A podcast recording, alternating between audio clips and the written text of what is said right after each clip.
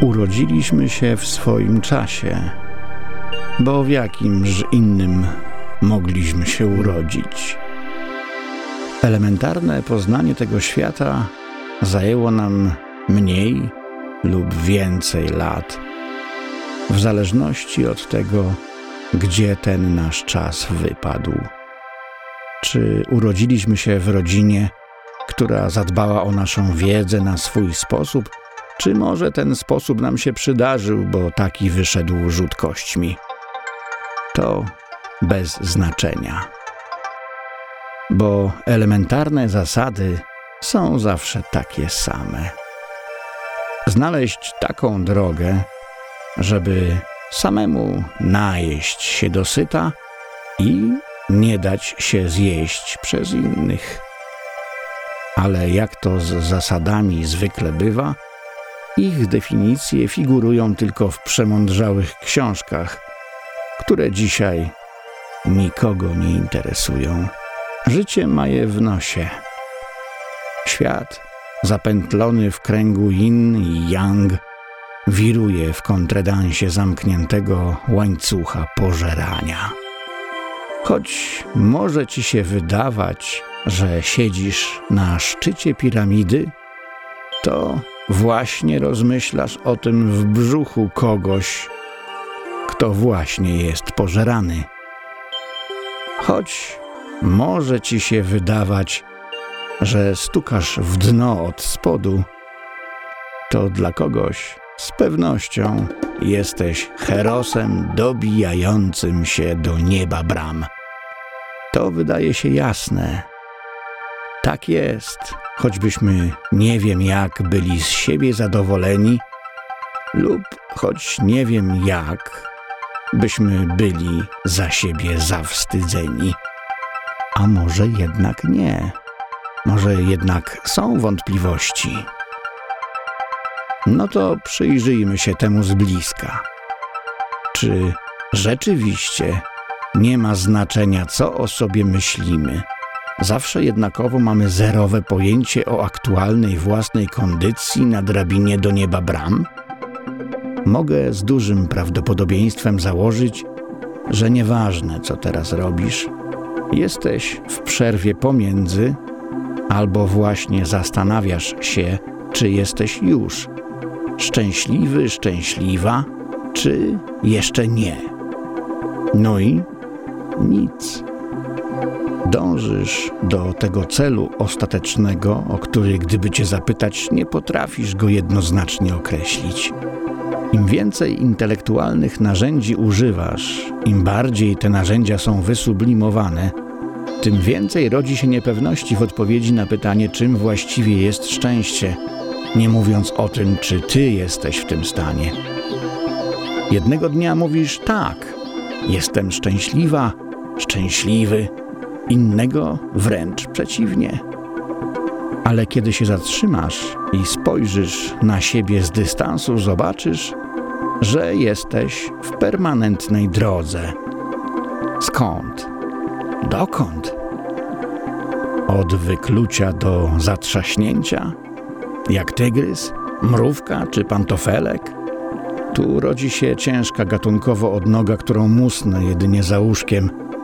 Ciekawym wydaje się fakt, że w świecie nie ma różnic co do tego, że człowiekiem pośród ludzi stajemy się w momencie uzyskania samoświadomości. Ale jest spór krwawy co do tego, czy jako element natury stajemy się w momencie wyklucia, czy w momencie pierwszej mitozy zarodka. Tu nie ma jednej tezy, co do której spory byłyby jedynie formalne. Ciekawe, że w świecie wydaje się nie być sporu co do tego, że istotą biologiczną przestajemy być w momencie zatrzaśnięcia powiek lub trumny. Ale co do tego, czy jako samoświadomość rozpływamy się i przestajemy istnieć, czy nie, krwawe spory od wieków rozrywają ziemię. W całym tym ambarasie z jednej strony walimy się po łbach ideologicznymi maczugami, a z drugiej bez ideologii podajemy sobie ręce.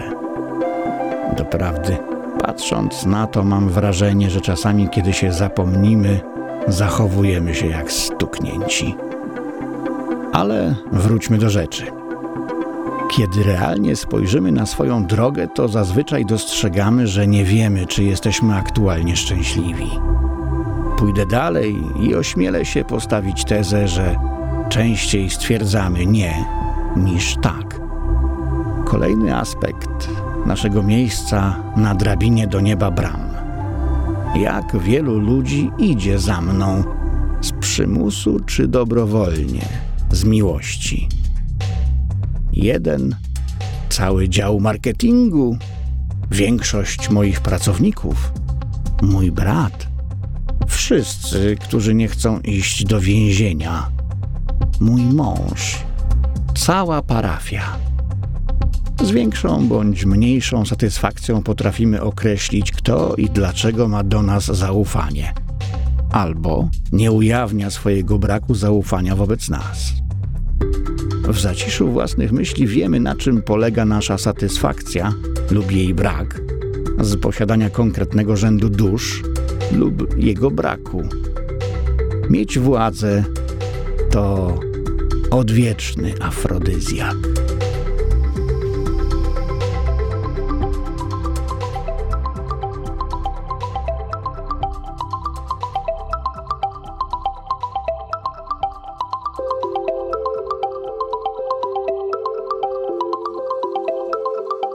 Na czym polega władza?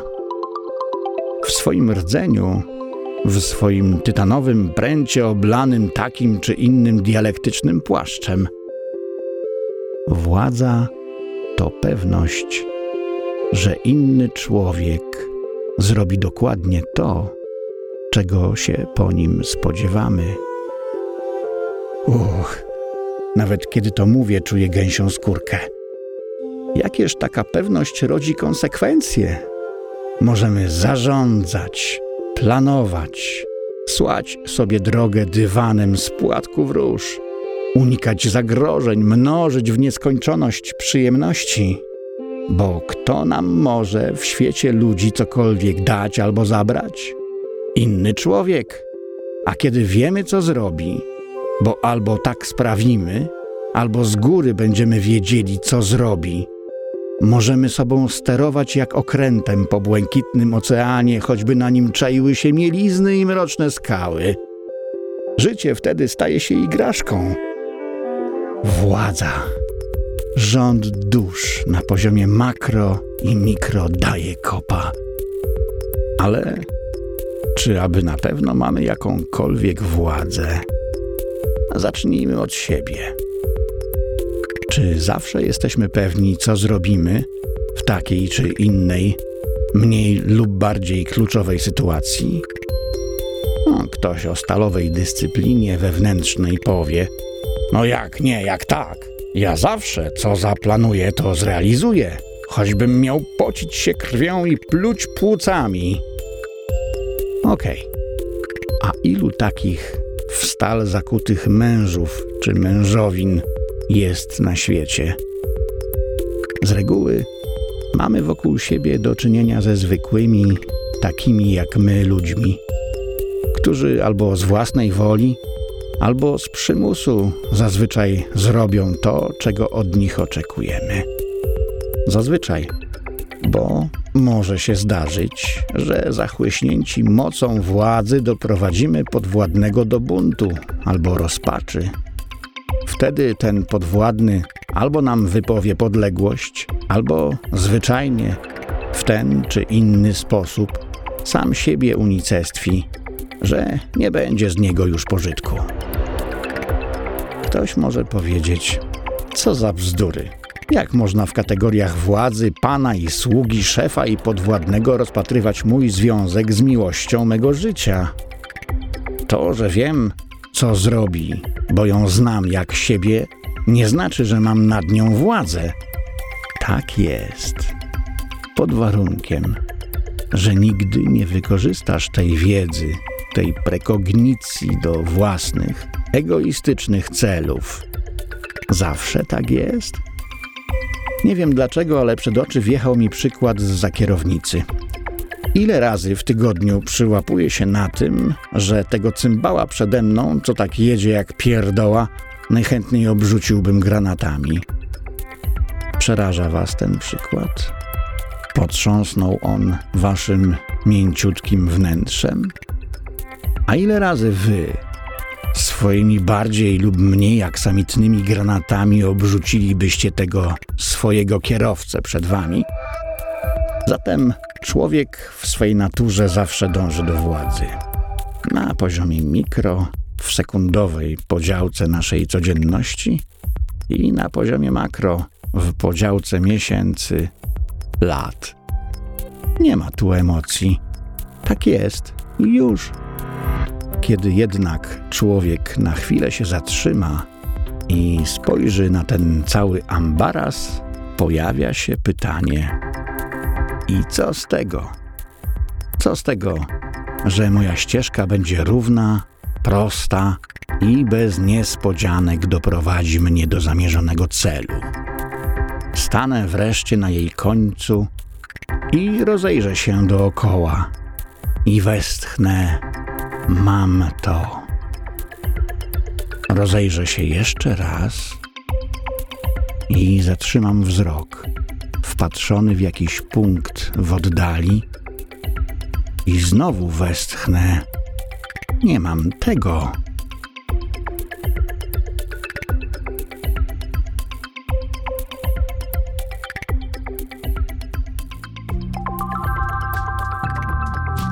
I tu mamy kolejny aspekt określania naszego miejsca na drabinie do nieba bram. Co posiadam? Pewnie ku zaskoczeniu nie będę się rozwodził, bo akurat o bogactwie i jego braku wypowiedziano i napisano tyle, że ze wszystkim się zgadzam i wszystkiemu zaprzeczam. Powiem tylko tyle, że na zadniego mnicha wchodzi mi się łatwiej bez plecaka niż z nim, ale kurczę, coś po drodze jeść i pić muszę. No to teraz przejdźmy do najgrubszej rzeczy. Strach. Tak. Nasze miejsce na drabinie do nieba bram określa to, czego się boimy. Przemądrzałe definicje ujmują strach jako pierwotny stan napięcia emocji wynikający z poczucia zagrożenia. Jest to stan dostępny zarówno dla człowieka, jak i zwierząt. Podobno nawet rośliny potrafią odczuwać coś podobnego do strachu, pod warunkiem, że rośliny mają emocje. Cóż, każdy wierzy w co uważa. Zatem strach jest tak powszechny jak wodór. Jest też uczuciem w hierarchii wartości ludzkich na jednym z ostatnich miejsc. Choć jego funkcja w przyrodzie ma podstawowe znaczenie w procesie przetrwania gatunków, bez strachu dawno po życiu na Ziemi nie byłoby śladu. Jednak człowiek potocznie uznaje strach za coś niehonorowego zwłaszcza Polak. Ktoś, kto przejawia strach, jest tfu, tchórzem. Ja tak nie uważam. Jeśli zagrożenie jest realne, a ja mam albo stawić mu czoła, albo go uniknąć, to bez strachu nie wydzieliłbym odpowiedniej ilości adrenaliny i innych substancji niezbędnych do maksymalnej sprawności mojego ustroju. Ale czy rzeczywiście nasz współczesny ludzki świat wymaga takich mechanizmów? Pojęciem strachu rządzi, jak wieloma innymi pojęciami, ogromne i kardynalne zamieszanie. Wrzuca się do jednego wora zachowania biologiczne z zachowaniami psychicznymi mentalnymi, mówiąc, że człowiek nie może funkcjonować w oderwaniu od swojej biologiczno-fizyczno-chemicznej rzeczywistości. No kurczę, może. Jedną z tych sfer jest właśnie sfera strachu.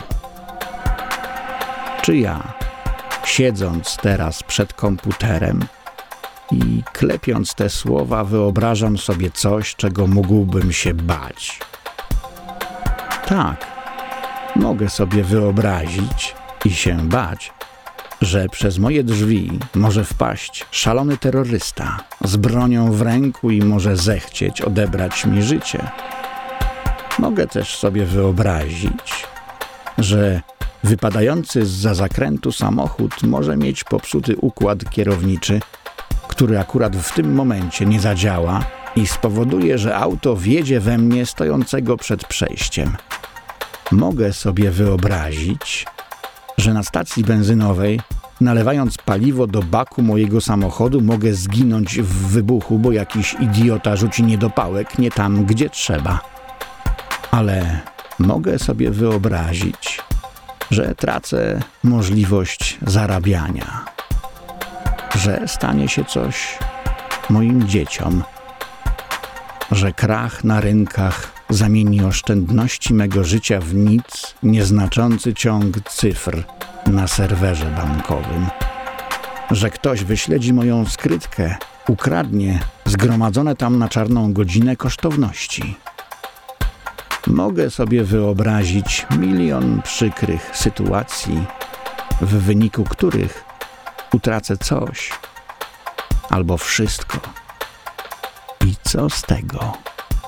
i w ostatecznym rozrachunku, czy mam wpływ na wszystko, co się wokół mnie dzieje.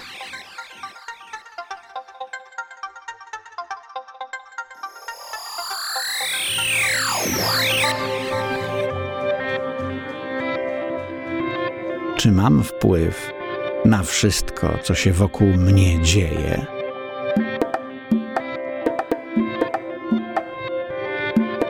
ale to są banalne pytania.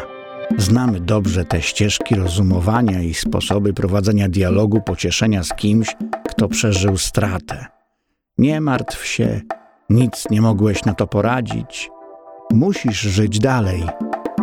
Podstawowym jednak pytaniem, którego dzisiaj się unika, nie mówiąc o odpowiedzi na nie, jest to, czy rzeczywiście na mój konstrukt składają się tylko elementy, które są do stracenia?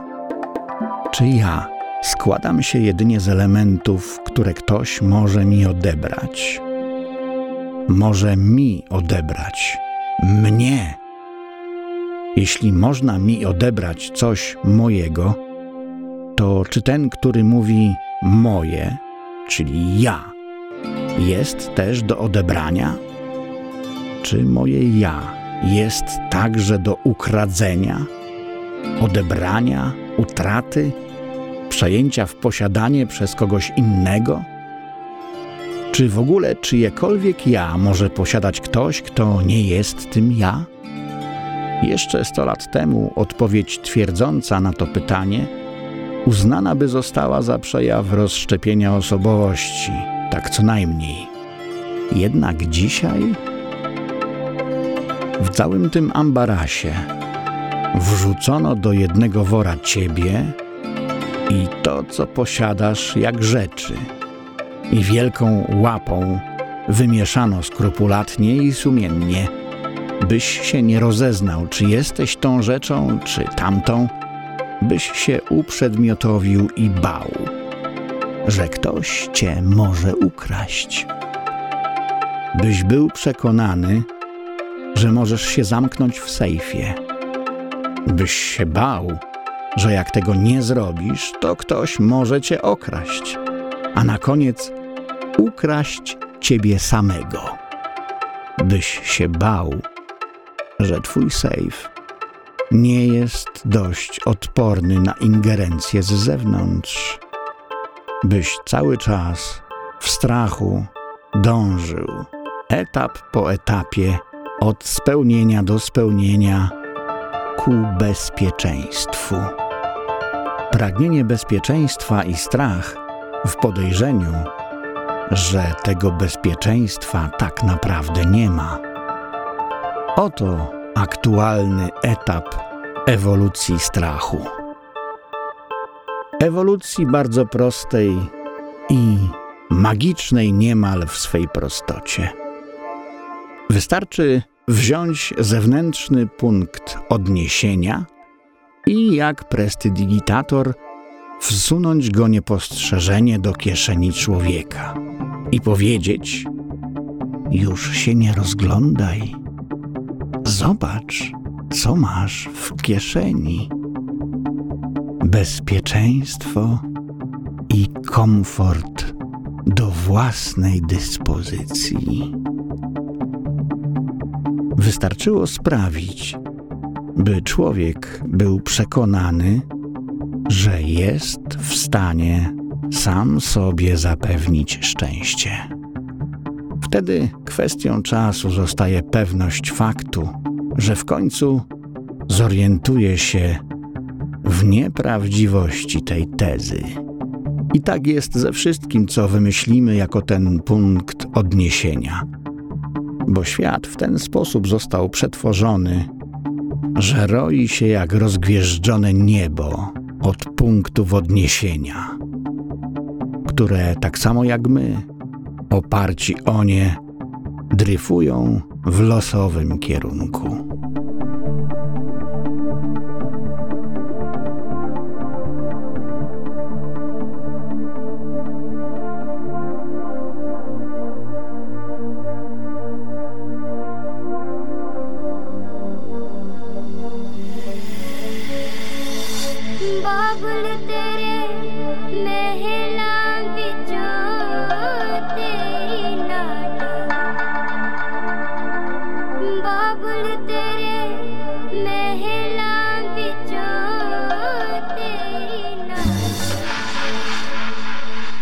Jesteśmy jak małpka na lianie. Przeskakujemy z jednej na drugą, która wydaje się wieść nas w upatrzoną stronę. I w końcu spostrzegamy, że w tej pełnej przygód drodze w nieznane wędrujemy po własnych śladach. I wtedy rodzi się ten klaustrofobiczny strach. Strach, który pośród wielu strachów wydaje się najboleśniejszy. Bo wielki jest strach przed utratą życia. Przemożny jest strach przed zawstydzeniem, ale najbardziej porażający obezwładniający jest strach przed zgubieniem drogi. Ten strach, który nas ogarnia w ciemności, kiedy upewniamy się, że nie wiemy, gdzie jesteśmy i przekonujemy się na 100%, że nie ma drogi powrotu. Gubimy rozeznanie drogę, kierunek, jasność celu. Wtedy to, o utratę czego się zazwyczaj boimy, o utratę życia, zdrowia, wolności wyboru, wtedy wszystko to wydaje się nieznośnym balastem. Mamy życie, mamy zdrowie, mamy wolność wyboru. I po cóż nam one, skoro nie wiemy do czego ich użyć? Nie znamy drogi, po której moglibyśmy gdziekolwiek dojść. Do tego właśnie zmusza nas dzisiaj świat, abyśmy stracili wiarę we własną wartość i wartość wszystkiego, co do tej pory zbudowaliśmy. A w efekcie, abyśmy odczuli do głębi trzew ten porażający, klaustrofobiczny strach. Dlatego ze wszystkich pytań dzisiaj wydaje się najważniejszym to jedno: czego się tak naprawdę boję i dlaczego? Nie bój się. Masz w sobie coś, czego nikt ci nie jest w stanie odebrać. Choćby zabrał ci wszystko, co posiadasz.